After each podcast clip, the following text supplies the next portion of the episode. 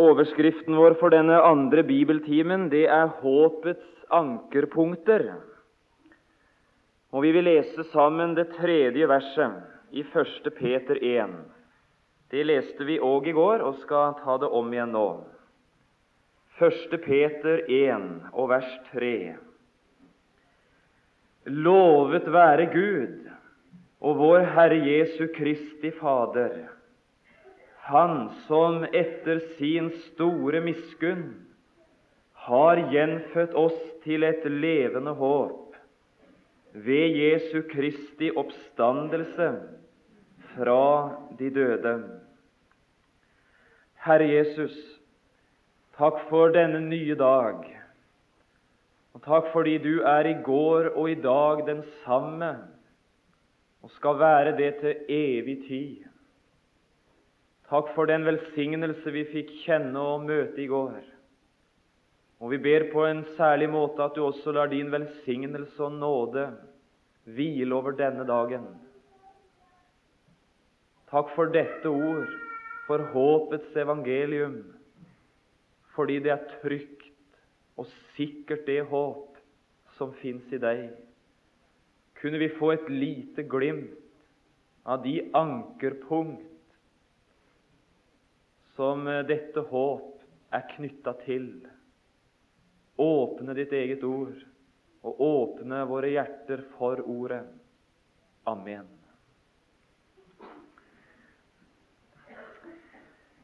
Det er en vanskelighet som i grunnen møter oss når vi taler om det bibelske håp, det levende håp og det er at det er så stor forskjell på norsk håp og bibelsk håp.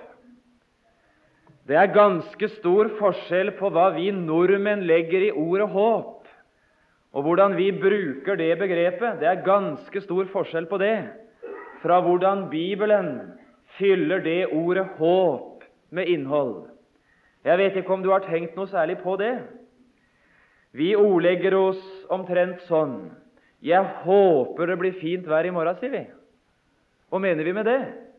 Jo, det mener vi at vi har sett værmeldinga i går kveld, og da var det oppslåtte paraplyer hele veien. Men vi håper det blir fint vær likevel. Vi er nokså sikre på at det ikke blir.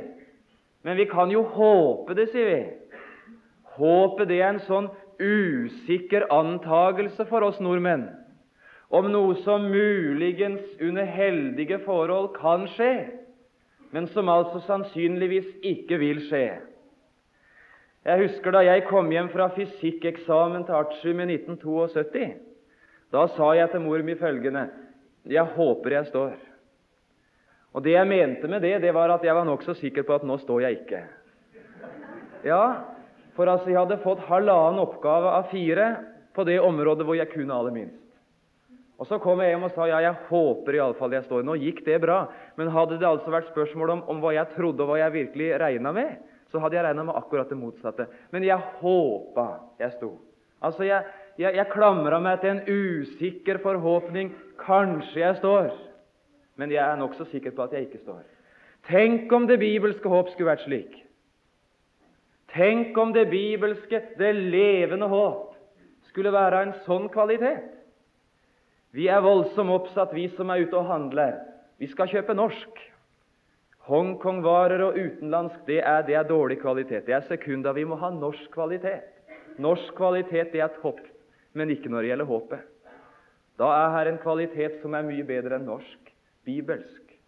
Det norske håp det er, det er sekunda. Det bibelske håp det er noe ganske annet. Tenk deg nå bare om. Tenk om vi skulle, skulle måtte tale sånn. Ja, vi kan jo håpe det er en himmel, men ingen av oss har jo vært der. Så sannsynligvis er det nå ikke det, men, men vi kan nå håpe. Eller ja, vi kan jo håpe Jesus, han kommer. Men det har gått 2000 år nå, så sannsynligvis kommer han ikke. Men vi kan jo håpe. Tenk om vi måtte tale sånn. Da hadde de rett de i verden som sier vi klamrer oss til et halmstrå, og det er bare et tidsspørsmål hvor lenge det holder. Nei, sier Bibelen, det bibelske håp det er ganske annerledes. Det levende håp som du er gjort delaktig i, du som har møtt Jesus, det er en helt annen kvalitet. Og nå skal du høre noe flott. Det Skriften har gitt deg grunn til håp om, det har du. Det er ditt. Like sikkert som her er løfter i Skriften som har gitt deg håp om en sak, like sikkert er det at det er ditt, du som hører håpets folk til. Vi kan i grunn sammenligne håpet med troen på den måten. Husker du hvordan det var da du kom til tro? Du hørte om den Herre Jesus, du hørte om Jesu navn. Og så hørte du i Hans navn er det syndenes forlatelse å få for hver eneste sjel som tar sin tilflukt til Han. Så trodde du det ordet. Og så, og så tok du din tilflukt til Jesus. Så var du tilgitt. Du hørte et ord. Det er tilgivelse knytta til Jesus. Og så kom du til tro på det. Og det du trodde, det var ditt. Og så hørte du her er fullkommen frelse knytta til Jesus. Han kan fullkommen frelse den som kommer til Gud ved ham. Og så kom du. Du hadde neimen ikke mye å komme med. Og det var sannelig ikke rare greiene over, over, over, hvordan det var da du kom, men du kom. Og idet du kom i tro til det ordet, så var du frelst. Det du trodde, det hadde du. Og så hørte du her er et evig liv knytta til Jesus. Det ordet det var så tillitvekkende. Det virka slik på deg at du kunne ikke klare deg uten. Og så tok du din tilflukt til Jesus. Så var du født på ny. Og så hadde du det evige liv. Den som har Sønnen, han har livet. Det du tror, det har du. Og det du håper, det Skriften gir deg grunn til håp om, det er ditt. Vi må blankpusse det bibelske håp. Hvis det blir norsk lys over det, så er det for svakt. Vi må ha fatt i det slik Bibelen taler om det. Derfor slår vi opp i Hebrebrevet 6, og så finner vi en glimrende sammenligning, en glimrende illustrasjon på det bibelske håp. Hvis du ser i slutten av Hebreerbrevet i kapittel 6 Vi leser nå for sammenhengens skyld bare fra vers 17 og litt, så hører du. Derfor da Gud ville enn mere vise løftets arvinger hvor uryggelig hans vilje var, gikk han imellom med en ed, for at vi ved to uryggelige ting, hvori Gud umulig kunne lyve, skulle ha en sterk trøst. Og så kommer det noe vi som har tatt vår tilflukt til å gripe det håp som venter oss. Ja, åssen er det med det håp? Hva slags kvalitet er det på det håp? Vers 19. Det vi har som et anker for sjelen, som er usikkert og svakt. Nei, et som er trygt og fast og når innenfor forhenget, hvor Jesus gikk inn som forløper for oss idet han ble ypperste prest til evig tid etter Melkisedeks vis. Vi tok vår tilflukt til å gripe det håp, det håp som venter oss. Det ble for vår sjel som et anker. I går eh, brukte vi illustrasjonen av treet ved bekken i kontakt med kilden, friskt rotfesta, som sto også når stormen kom. Illustrasjonen denne timen, det er ankeret. Nå kommer jeg ifra Telemark og ifra innlandsbygder. Så reiser jeg til Valderøy og begynner å fortelle folk hva et anker er. Det må jeg passe meg for. Men jeg vet nå iallfall åssen det ser ut, et anker. Og jeg har nå en svak aning av hva et anker skal være til. Så mye veit jeg i alle fall at anker det er noe som av og til er til god hjelp for en båt. Hva enten det er i strøm eller vind eller av og til litt ruskevær, så er ankeret et stabiliserende element i en båt. Om det kan få fatt i noe trygt og fast, det ankeret, så ligger båten stilt og fredelig, også til tross for strøm og vind og slikt noe. Det er et vern imot det å komme i drift. Det er et vern imot det å oppleve at det går galt. Et anker, det er noe som holder skipet på plass Og ankeret er til rik nytte og velsignelse om det bare kan få fatt i noe sikkert, noe trygt, noe uforanderlig. Slik, sier Skriften, er vårt håp et anker for sjelen. Og Nå har jeg lyst til å spørre deg som er ungdom. Og ville du sagt om en skipper som heiv ankeret sitt i lasterommet, for det var voldsomt greit, hva ville du kalt han? Ja, Du ville iallfall ikke seilt som sjømann i lag med en sånn kar, for han hadde ikke mye greie på sjømannskap. Om han altså, Fordi det var så enkelt bare å dumpe ankeret i lasterommet sitt. Det var greit å få opp, og det lå så greit. Et anker på den måten, det, det var jo ganske unyttig, ikke sant? Om ankeret skal bli til hjelp for en båt, så må det utenom et lasterom. Det, det må utenfor båten selv. Vi forstår oss på, på skipperen, men vi forstår oss nå ikke ofte så mye på vårt eget gudsliv. Du som er ung, så ofte du og jeg kasta ankeret vårt i lasterommet. I følelseslivet vårt, f.eks. Da vi følte det rikt og flott og deilig.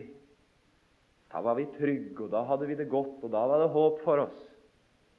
Men da de samme følelser forsvant, og det var på nullpunkt eller minusgrader her inne, da vi ikke hadde verken følelser eller stemning eller deilige opplevelser mer, da var det ikke håp. Da, da kalte vi oss sjøl det, er ikke håp for meg. Det er så lett å, å, grunne sitt håp og sin frimodighet og sin trygghet på noe i seg sjøl, i sine følelser. Vi er voldsomt avhengige av følelsene våre, vi unge. Når vi hører Guds ord, når vi leser det, når vi ber, når vi samtaler sammen Hvis vi føler det godt, da, da, da syns vi det er håp for oss. Men er følelsene borte, så er vi beint fram av og til fortvila. Du, vi skal få forankre vårt håp, vår frimodighet, et helt annet sted enn i våre følelser eller i opplevelsene våre. Den dagen vi opplevde det veldige, da vi fikk sånn en rik velsignelsesopplevelse fra Gud, da var det ikke gnist av tvil om at vi var Guds barn. var det det? Nei, da var det altså brennsikkert. Nå var det håp, og nå var det sannelig både framtid og framgang. Men da det gikk dager og uker imellom slike opplevelser, da vi måtte begynne å si til oss sjøl det er bare teori Det er bare tørr teori og kunnskap for deg. Du opplever ingenting. Det er ikke liv. Da var det vanskelig for oss, fordi vi hadde begynt å forankre det hele i opplevelsene våre. Eller i erkjennelsen og forståelsen av Guds ord. Da vi skjønte og forsto og erkjente, da var vi trygge. Men da vi plutselig var i en situasjon da vi ikke forsto og ikke fatta, da det var stengt og mørkt og svart, og vi, vi fikk ikke tak i det, da var det fortvilt. Fordi vi hadde mista ankerpunktet du, det var godt du mista det, for her er bedre sted, å forankre sitt håp, sin kristendom og sitt liv enn i lasterommet. Du må forankre det utenom deg selv. Og Det er det dette tredje vers i 1. Peters brev skal hjelpe oss noe med. Jeg nevnte så vidt i går disse som Peter skriver til. De var begynt å komme i hardt vær. Det var begynt å blåse temmelig hardt. Det var begynt å drive nå. Og hadde de ikke sikre ankerfester, var der ikke håp. Hadde de ikke noe som var stadig og holdbart og trygt, så skulle det ikke gå lang tid før de var dreven langt bort ifra det de eide og hadde. Og så ligger der noe på Peters hjerte. Om jeg nå kunne, kunne peke på de ankerpunkt, de ankerfester, det levende håp er knytta til. Det er håp, det er trygghet, det er sikkerhet for hver eneste sjel som er forankra i disse ankerpunkter. Han taler om tre forskjellige ankerpunkter i dette tredje verset. Og Nå tar vi de fram én for én og prøver å gjøre det enkelt fortsatt. Vi må lese om igjen. Lovet være Gud, og vår Herre Jesu Kristi Fader, Han som etter sin store miskunn Og så er vi ved første ankerpunkt har gjenfødt oss til et levende håp. Og så forankres alt som heter håp i ditt og mitt liv, til den store sak gjenfødelsen. Det levende håp i et menneskeliv er forankra i selve gjenfødelsen. Det betyr at et ugjenfødt menneske er uten håp. Men det betyr også at alle gjenfødte har håp, når håpet er forankra i gjenfødelsen. Det forteller meg to ting. Hva betyr det der? At det levende håp er forankra i gjenfødelsen. Det betyr for det første at han John Hardang ikke var født med håp. Han var født håpløs. Skulle det være håp for han, måtte han bli født på ny. Det er ei merkelig tid vi nå lever i. Jeg vet ikke om du følger såpass med at du ser noen av hovedtrekkene. Det ene som vi nok hører mye om, det er at vi er i ferd med å oppleve ei tid med sekularisering, som vi sier, med versliggjøring, avkristning på alle forskjellige områder. Det gjelder lovverk, det gjelder skoleverk, det gjelder moral, det gjelder en masse forskjellige områder i livet.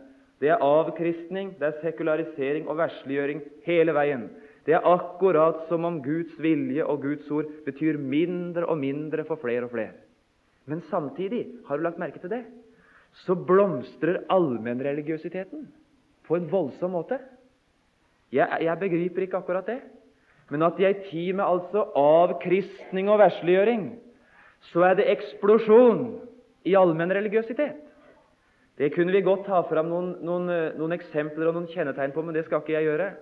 Men allmennreligiøsitetens kjennetegn er bl.a. dette alt som har med gjenfødelse å gjøre. Å skille mellom gjenfødte og ugjenfødte mennesker, det er bannlyst. Vi skal synge 'Gud er far til alle', og 'jorden er vårt sted', og 'alle verdens mennesker de er vi venner med'. Det var nå en barnesang, og rett forstått er den fin men forstått i denne sammenhengen er en spinn. For Gud er ikke far til alle. Han er ikke det. En far, han er far til sine barn. Og Guds barn i denne verden, de ble bare barn ved en ny fødsel. Jeg har lyst til å lese noen få ord om din og min tilstand, slik vi var av naturen. Vi var ikke av naturen håpets barn. Vi var ikke det. Vi var født uten håp. Jeg tenker på Efeserbrevet 2. Vi får lese det som det står. Vi var Efeserbrevet 2, slutten av vers 3. Vi var av naturen, altså ifølge vår naturlige tilstand, før det skjedde noe overnaturlig himmelsk. Vi var av naturen vredens barn. Jeg tenker på Davids fortvilte utrop i Salme 51 og det sjuende verset. Vi leser det ordrett som det står. Det er ei salme der David er i nød. Se, jeg er født i misgjerning, og min mor har unnfanget meg i synd. Det lyser sannelig ikke mye håp over en slik start. Jeg tenker på Jobb 14 og vers 4. Fikk du med de stedene? Efeserbrevet 2,3, Salme 51, Jobb 14, 4. Her spør han kunne det bare komme én ren av en uren? Kunne det bare komme om det var én ren? av en uren. Men svaret, det er dette ikke en. Det var håpløshetens linje hele veien. Og i Johannes 3, det er det siste ordet der, her taler Jesus til Nikodemus. Og det er jo nettopp i denne sammenhengen. Der sier Jesus det som er født av kjød, det er kjød. Det som er født av kjød, det er kjød. Det er det sjette verset i det kapitlet. Det var derfor, skjønner du, at Nikodemus fikk høre det den natta. Nikodemus, sannelig, Sannelig sier jeg deg, uten at noen blir født på ny, kan han ikke se Guds rike. Det ligger meg så på hjertet å si det. Vi må heise den fana imellom oss og aldri gå på akkord med gjenfødelsens nødvendighet imellom oss. Gud er ikke far til alle. Det er ikke håp for det religiøse mennesket i noen annen sammenheng enn i forbindelse med den nye fødsel. Her må et nytt liv til. Vi er ikke født, men gjenfødt til et levende håp. Ja, hvordan foregår det når et menneske blir gjenfødt? Og sier Skriften om det? Hvordan blir et menneske gjenfødt? Ja, vi er i 1. Peter 1. Og vil du se i slutten av det kapitlet, her er svaret. Vers 23. Dere som er gjenfødt, ikke av forgjengelig, men uforgjengelig sæd, ved Guds ord, som lever og blir. Og Så kommer det 24. verset som en bekreftelse på hva et menneske er ifølge sin naturlige tilstand. Alt kjød, uten unntak, alt, alt kjød er som gress, og all dets herlighet som blomst på gress. Gresset visnet, og blomsten på det falt av. Det så fint og sterkt og løfterikt ut lenge, men så var det slutt. Og hadde det ikke vært mer i ditt og i mitt liv enn slik uforgjengelighet, hadde det aldri vært håp. Men så kom vi i kontakt med noe uforgjengelig. Det, det, det var noe som brøt seg vei inn i forgjengeligheten. Uforgjengelig sæd. Og så ble det født noe. Og er det for en uforgjengelig sed? Guds ord. Og så forklares det i vers 25. Herrens ord blir evinnelig. Og dette, og det er viktig, og dette er det ord som er forkynt dere ved ved evangeliet. Hvordan blir et menneske født på ny? Ved å komme i kontakt med det Guds ord som kalles evangeliet. Det du trenger å få høre, som kanskje sitter her og er utenfor samfunn med Gud, det er evangeliet. Det du må ha tak i, som ikke er viss i ditt barnekår, og som ikke er viss på om du hører med i den flokk som heter håpets folk i denne verden. Du må ha tak i evangeliet. Og kunne bare evangeliet få tak i deg, og skulle det være håp og liv og framtid. Husker du Nikodemus? Og Jesus har talt om gjenfødelsens nødvendighet. Så kommer han dit hen etter at Nikodemus har undra seg og fått en stille bebreidelse. Nå kommer han dit hen at Jesus lar Nikodemus i fred. Og så sier han, Nikodemus, nå ser vi bort ifra alt ditt, ifra at du er lærer, og at du burde ha visst, og alt dette der. Nikodemus, nå ser vi en annen vei. Nå ser vi imot noe du kjenner. Moses, Nikodemus, like som Moses opphøyet kobberslangen i ørkenen. Det kjente Nikodemus. Og så så han som i et lynglimt for seg et folk i håpløshet under dom. De hadde forbrutt seg mot Guds vilje. Så kom serafslangene, du husker det, og så var det død og dom og undergang. Hele livssituasjonen, det var dommens område. Og så husker du Moses som ba, og Herrens ord som kom. Reis en kobberslange i ørkenen. Og hver den som er bitt av slangen, men ser på kobberslangen, han skal leve. Det så Nikodemus. Så han som i et lynglimt for seg et folk i håpløshet under dom. De hadde forbrutt seg mot Guds vilje. Så kom serafslangene, du husker det, og så var det død og dom og undergang. Hele livssituasjonen det var dommens område. Og så husker du Moses som ba, og Herrens ord som kom. Reis en kobberslange i ørkenen. Og vær den som er bitt av slangen, men ser på kobberslangen. Han skal leve. Det så Nikodemus. Frelsen, håpet den dagen, var knytta til noe Gud ga. Og liv og framtid, det var knytta til det å komme i forbindelse med hva Gud hadde gitt. Det kjente Nikodemus. Men hva han ikke kjente, det var det like som Jesus talte om. Og så knytter Jesus en forbindelse over hundreder av år. Nikodemus, det, det, er skygge, det du nå ser. Nå skal vi inn i dagen. Nå skal du få se selve saken. Like som Moses opphøyet kobberslangen i ørkenen.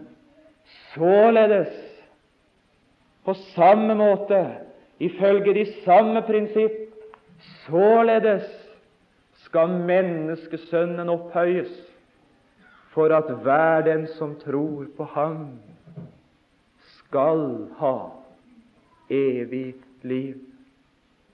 Og så så Nikodemus folket under dom, folket uten håp. Det er meg. Det er min situasjon.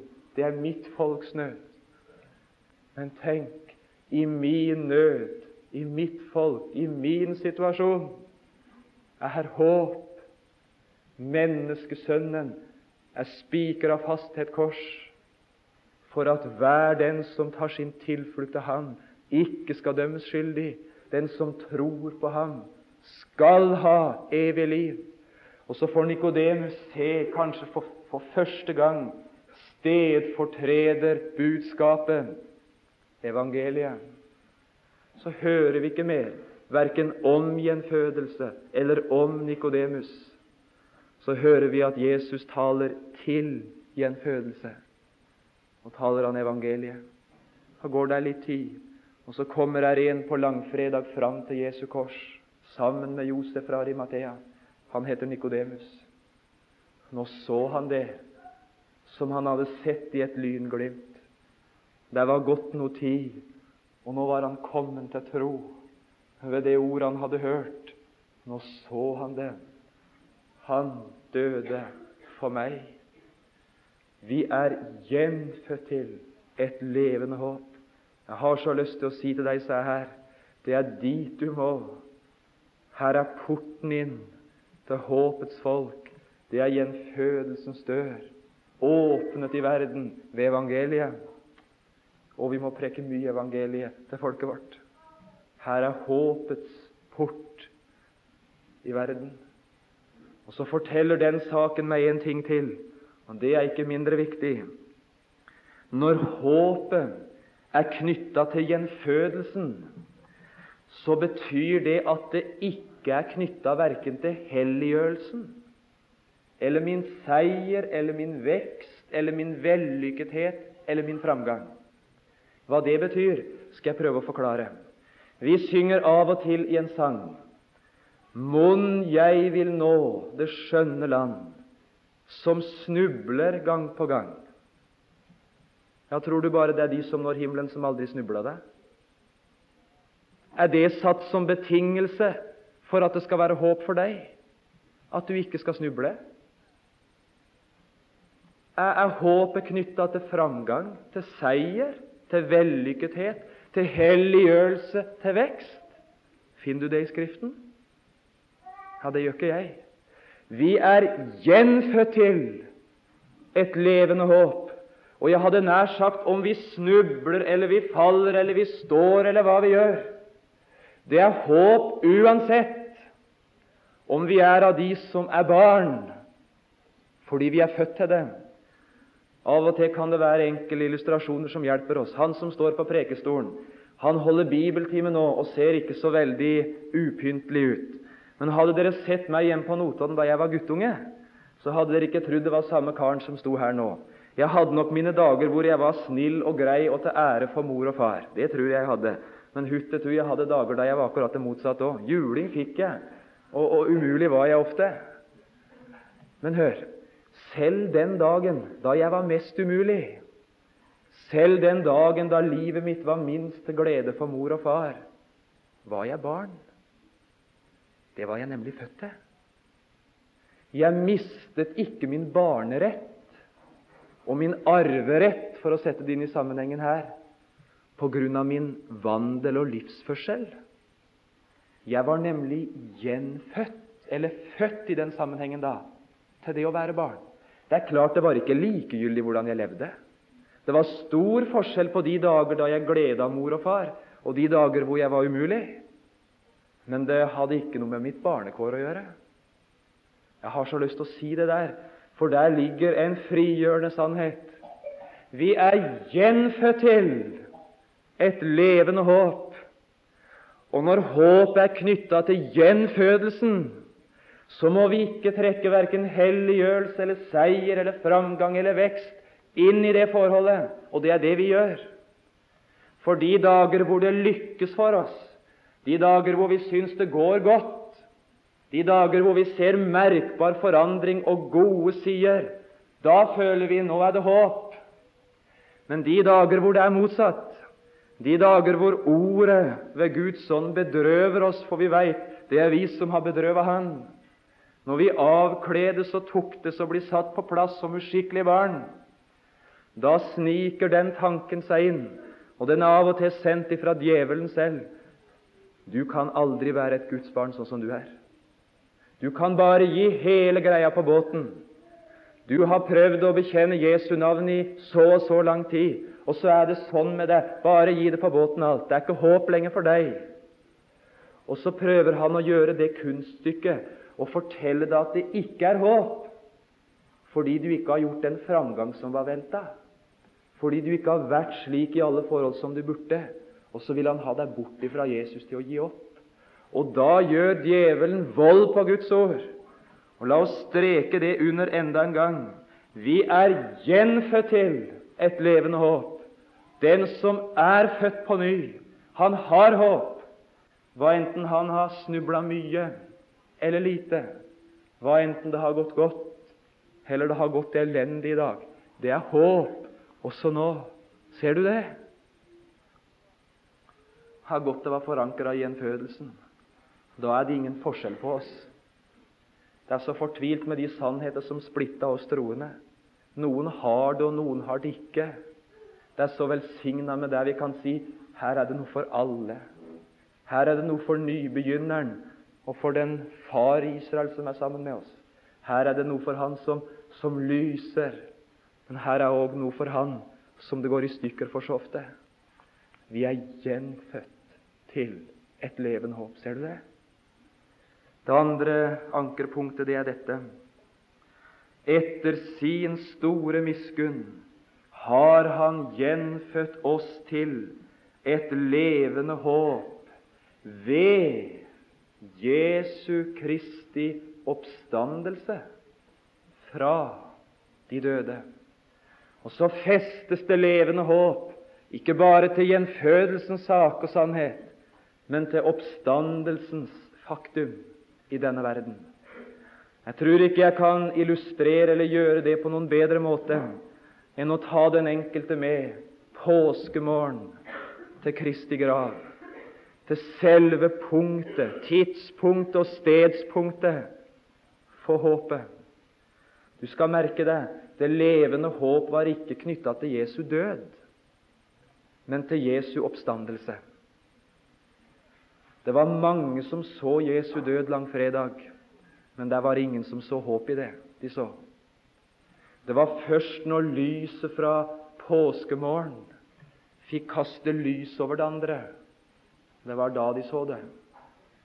Jeg ser tre kvinner. Vi leser i Matteus 27 og følger de håpløse på vei til dette punkt og ser hvordan forandringen kom. Matteus 28, unnskyld. Men ved enden av sabbaten, det er i begynnelsen, da det lysnet mot den første dag i uken, kom Maria Magdalena og den andre Maria, og et annet evangelium forteller at det var enda en, til graven. Og se, det kom et stort jordskjelv, for en Herrens engel for ned fra himmelen og trådte til og veltet stenen fra og satte seg på den. Han var som et lyn å se til, og hans kledning var hvit som sne. Og av frykt for ham skalv de som holdt vakt, og de ble som døde. Vi stopper der. Her kommer noen uten håp. De sang troens svanesang. Det var ikke mer å, satse på nå.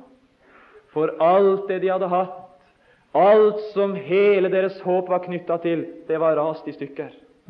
De hadde opplevd sitt livs verste dag, langfredag. Langfredags mørke og Kristi død hadde fratatt de alt. Og så kommer her tre håpløse sjeler.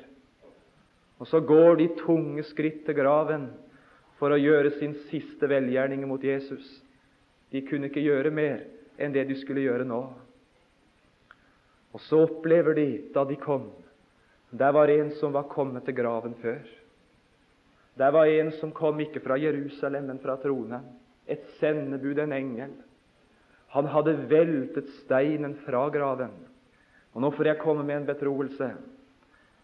Det gikk lenge. Jeg leste det 8. kapittel, 28. kapittel i Matteus, og jeg kunne ikke forstå hvorfor ikke Matteus nå fortalte, etter at engelen hadde velta steinen fra graven, at Jesus sto opp. Jeg kunne ikke skjønne det. For jeg trodde jo det at når engelen var utsendt fra Gud for å velte steinen fra graven, så var det for å slippe Jesus ut. Og så kunne ikke jeg begripe at det, det var ikke et ord om at han sto opp. Ikke et ord. Og så begynte det å demre noe. Engelen utsendt fra Gud, den var ikke utsendt for å hjelpe Jesus, men for å hjelpe Jesu venner. Engelen utsendt fra Herrens trone kom ikke for å lukke én ut, men for å lukke noen inn. Han som gikk gjennom stengte dører, Tror du ikke han kunne forsere en stein? Og du kan være trygg. Da engelen kom, så forkynte han han er ikke her. Han er oppstanden. Kom og se. Se stedet hvor han lå. Den tomme grav og engelen som møtte de ved graven. Han kom for å lukke håpløse mennesker inn og så skulle de bak steinen som var velta fra, få se noe som kunne fordrive håpløsheten og tenne nytt håp. Og sannelig fikk de oppleve det. De løp ifra graven i glede. Ja, de kunne ikke tro for glede. De hadde sett noe knytta til Jesu oppstandelse som tente håp. Det tok nok litt tid før de greip det i full sammenheng. Men la oss bare feste det til to hovedsaker. Hva betyr Kristi oppstandelse og den tomme grav for min tro og for mitt håp? Det betyr for det første dette, og det her må du ha tak i Jesu Kristi oppstandelse fra de døde. Det er Guds himmelsendte kvittering på at den pris Jesus betalte, for oss i denne verden, den var godkjent hos Gud. Vi synger det enkelt i en sang det var nok, det som Jesus gjorde.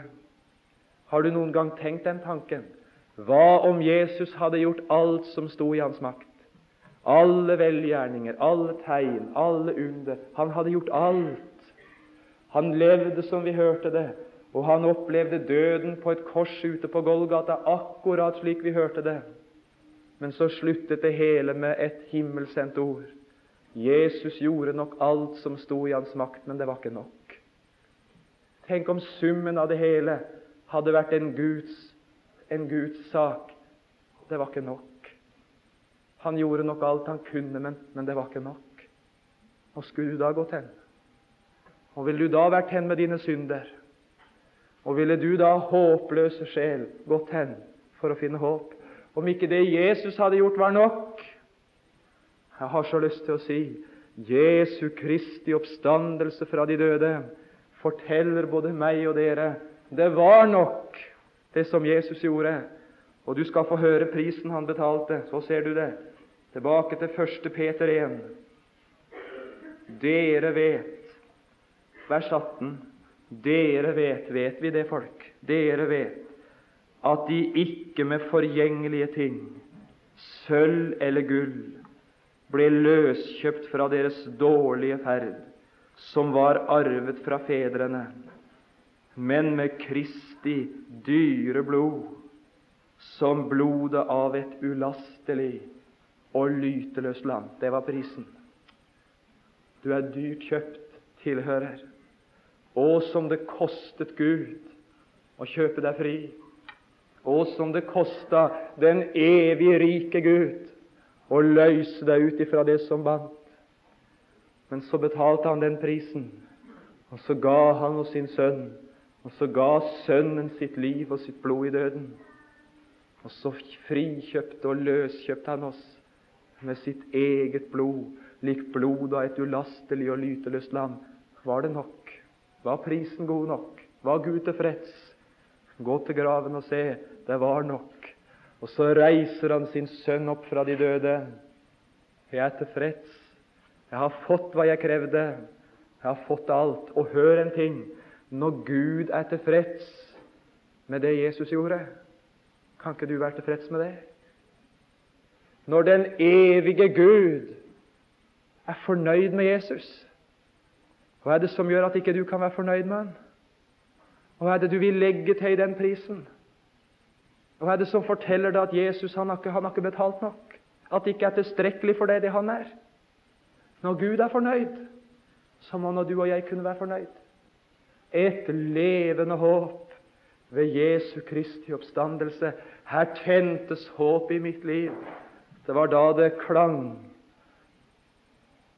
Det var en som var villig å dø i mitt sted for at jeg skulle leve ved Han.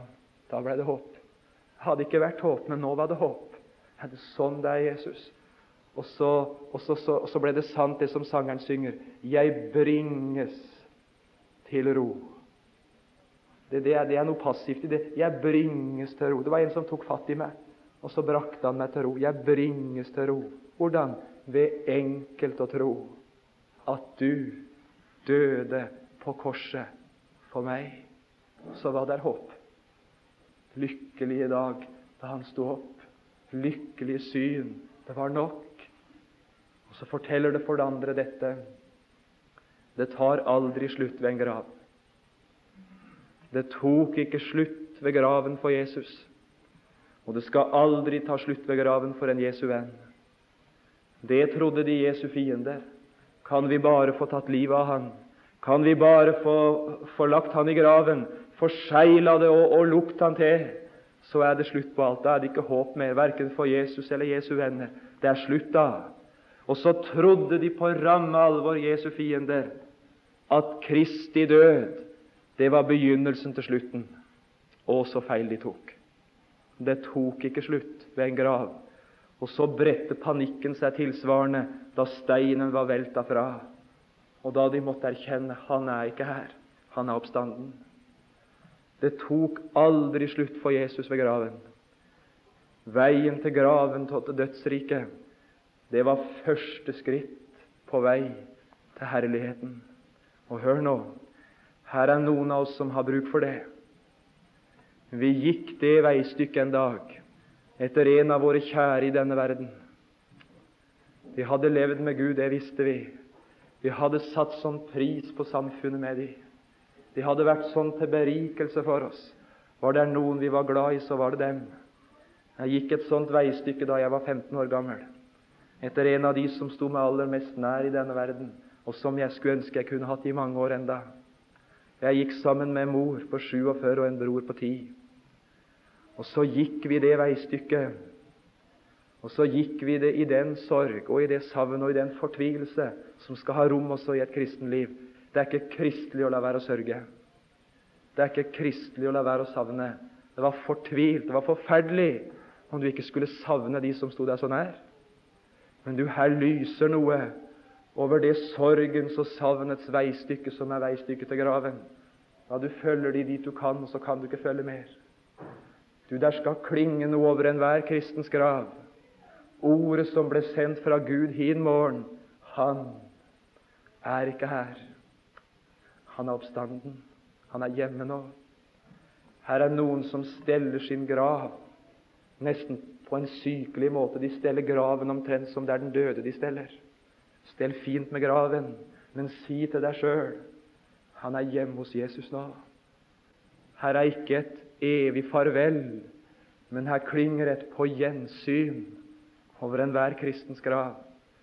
Her er gjerne noen imellom oss som har gått det veistykket i den seinere tid. Jeg har så lyst til å hilse deg ifra håpets Gud og si her er et levende håp for hver eneste sjel som er gjenfødt. Det er håp fordi Jesus lever, og fordi Han lever, så skal vi få leve. Endog en kristens grav er et skritt nærmere Jesus. Det syns jeg er en velsigna tanke. Skal jeg få lov å vandre i denne verden nærmere og nærmere Han. Og endog den dagen når jeg skal over dødsfloden, så må døden i sin gru bli Guds tjener og hente meg enda nærmere Han. Et levende håp ved Jesu Kristi oppstandelse fra de døde. Det tar aldri slutt ved en grav. Det skal bli til forferdelse for Guds fiender, men det er sannelig til rik trøst for Hans venner i denne verden. Og så vil jeg slutte sånn. Og Da er vi ved punktum i denne bibeltimen. Håpets ankerpunkt, det er gjenfødelsen. Det er Jesu Kristi oppstandelse. Og så vil jeg bare streke under i noen få setninger nå når jeg sier amen. Selve ankerpunktet blant alt. Lovet være Gud og vår Herre Jesu Kristi Fader, Han som Og nå må du være med Han som ifølge efter sin store miskunn har gjenfødt oss til et levende håp. Her er selve kilden for alt. Her er selve ankerpunktet for alt som heter håp i en kristens liv. Det er ifølge Hans store miskunn. Han ser det Sakarias i Lukas 1, 78. Herren har for sitt miskunnelige hjertelags skyld latt soloppgang fra det høye gjeste sitt folk. Og hva er den egentlige årsaken? Var det vår nød som tvang han? Nei, det var hans eget hjerte som sa Stig ned ifølge sin store miskunn. Det var her alt som etter håp sprang. Her er selve kilden. Det er knytta til Guds hjerte og ikke til ditt. Det er knytta til Hans godhet og ikke til din. Det er knytta til det Han er i seg selv, og ikke til det du er eller skulle ha vært i deg, ifølge sin store miskunn. Det var det du så som i et glimt den dagen du ble frelst, var det ikke det? Jeg har så lyst til vi skal slutte her, for det er her det begynner alt. Det var ferdig med å tro på deg sjøl. Det var som den evige Gud hadde fratatt deg all tro på deg sjøl. Og så ba du for første gang den bønn som rammer det ømme punkt i Gud. Du sukka og trygla det fram. Gud, vær meg synder nådig. Og så endte du med et såret hjerte i forbindelse med et hjerte fylt av miskunn. Og så rant det noe. Du skjønte det, du forsto det. Han vil meg bare vel. Han har knyttet hele frelsen til seg selv og ikke til meg. Velsigne ankerpunkt og forandres de han John Hardang er det mange ting som skiftes hos han, så vet jeg hos Gud det skifter ei. Han hilser sine venner Paulus når han skriver til tesalonikerne, andre test 2. Så taler han i vers 16 og sier Han, vår Herre Jesus Kristus, og Gud vår Fader, som elsket oss og gav oss en evig trøst. Og så ga han oss et godt håp i nåde. Og som jeg skulle ønske det for hver eneste en et godt håp i nåde. Herre Jesus, takk at du har forankret alt som heter håp, til deg selv. Takk at du har tatt ansvar for å forankre vårt håp i noe som holder. Så kjenner vi trang, Herre Jesus, å takke for den store miskunn som var kildespringet til alt. Her er ingen av oss som fortjente og hver eneste en av oss fikk likevel oppleve det var håp, fordi du ville oss bare vel. Du ynkedes inderlig over oss. Herre Jesus, sitter her en på bibeltimen nå som er urolig, som ikke har trygt håp. Vil du forankre hans sjel i de sikre ankerpunkter i evangeliet? Amen.